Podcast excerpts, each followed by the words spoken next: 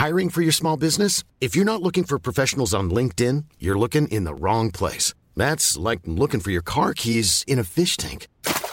LinkedIn helps you hire professionals you can't find anywhere else, even those who aren't actively searching for a new job but might be open to the perfect role. In a given month, over 70% of LinkedIn users don't even visit other leading job sites. So start looking in the right place. With LinkedIn, you can hire professionals like a professional. Post your free job on linkedin.com slash people today.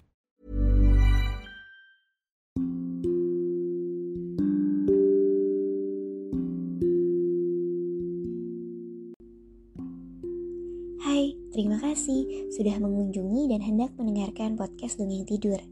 Aku Irene Vita. Selama ini, aku pakai aplikasi Anchor untuk buat dan publish seluruh episodeku. Kalian juga bisa loh download dan pakai Anchor untuk buat podcast karena 100% gratis dan bisa didistribusikan ke Spotify dan platform podcast lainnya. Selamat Hari Batik. Dulu aku selalu pakai batik di hari Kamis atau Jumat di sekolah.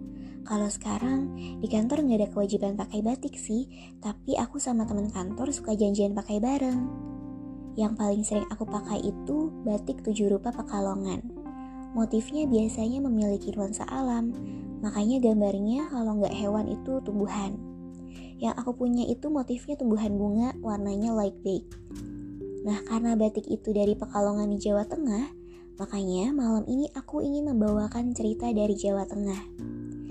Selamat mendengarkan Timun Mas, semoga lekas tidur dan bermimpi indah. Di sebuah desa di Jawa Tengah, hiduplah seorang janda parubaya bernama Mbok Srini. Sejak ditinggal mati oleh suaminya beberapa tahun silam, ia hidup sendirian karena tidak memiliki anak.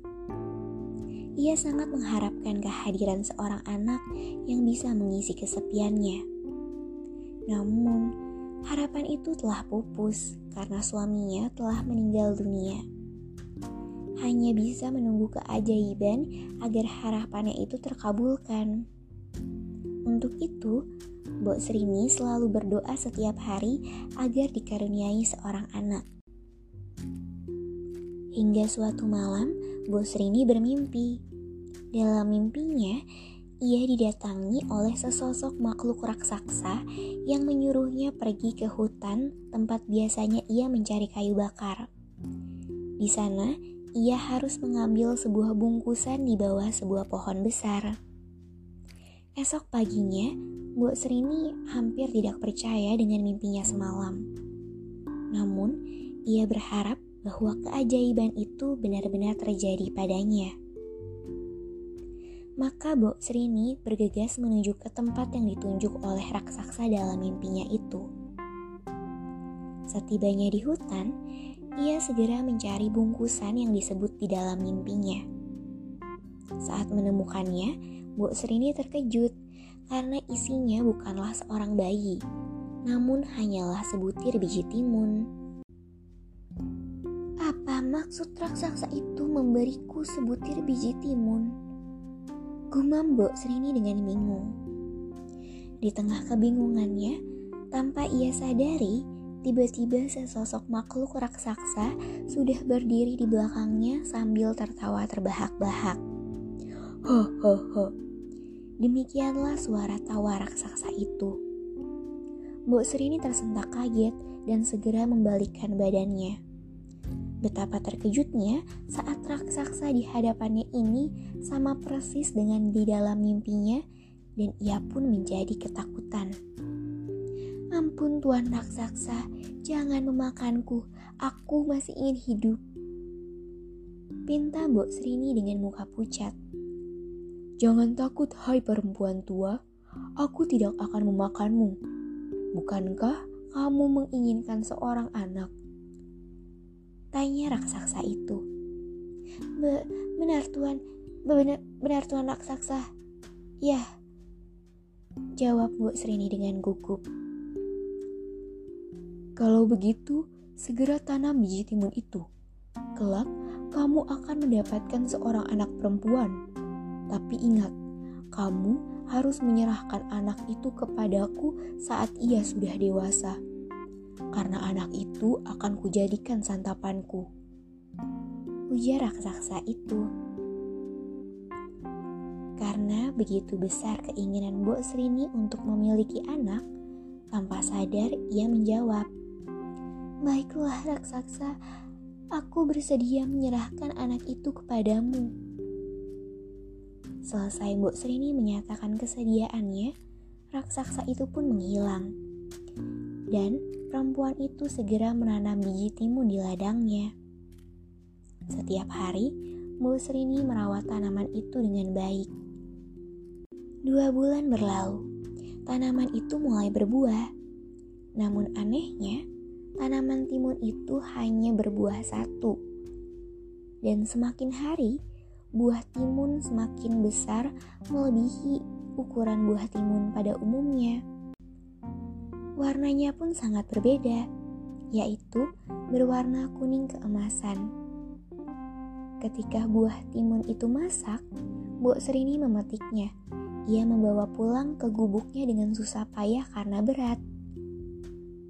Saat membelah timun itu, betapa kagetnya Mbok Serini.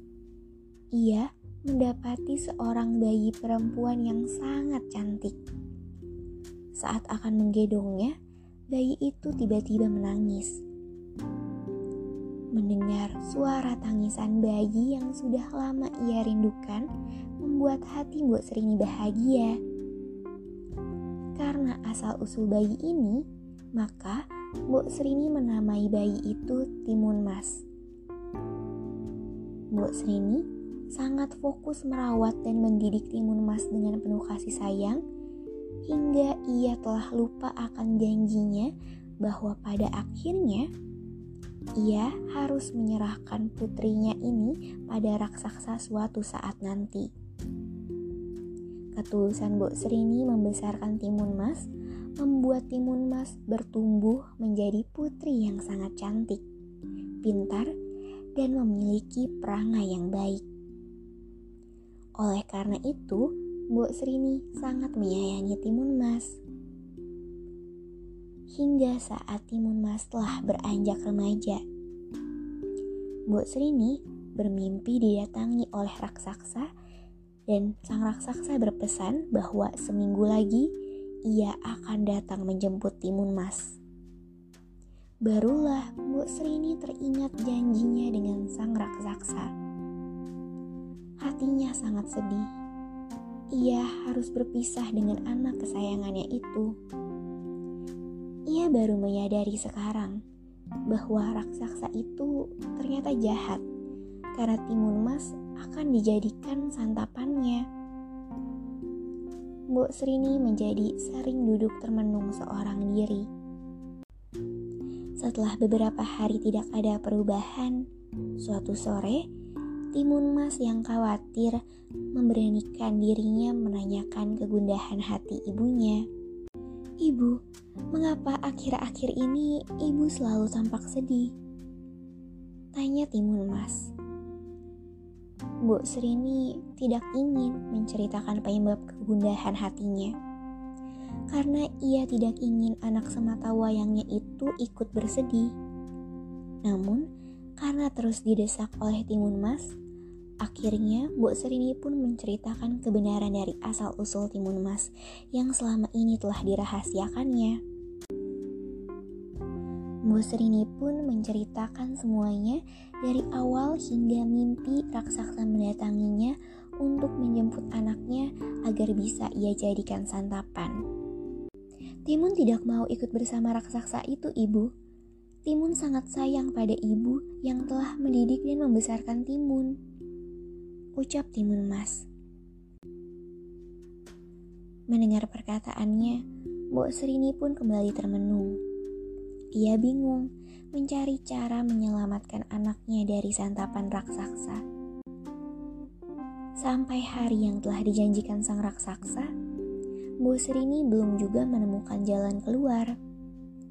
Hatinya pun mulai cemas. Tiba-tiba, ia menemukan sebuah ide.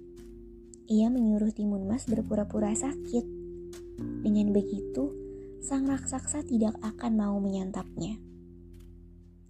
Kemudian matahari mulai senja. Raksasa itu pun mendatangi rumah Mbok Srini. Hai perempuan tua, mana anak itu? Aku akan membawanya sekarang. Ucap sang raksasa.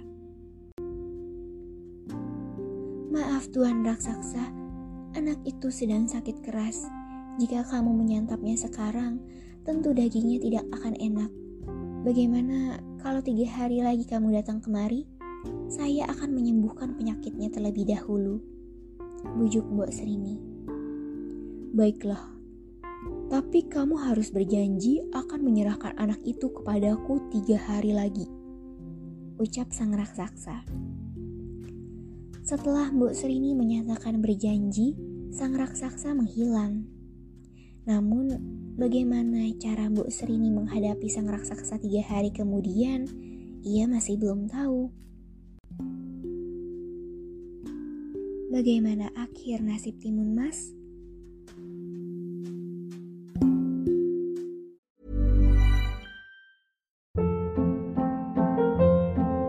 Hold up. What was that? Boring. No flavor. That was as bad as those leftovers you ate all week. Kiki Palmer here, and it's time to say hello to something fresh and guilt-free. Hello Fresh. Jazz up dinner with pecan-crusted chicken or garlic butter shrimp scampi. Now that's music to my mouth. Hello Fresh. Let's get this dinner party started. Discover all the delicious possibilities at hellofresh.com.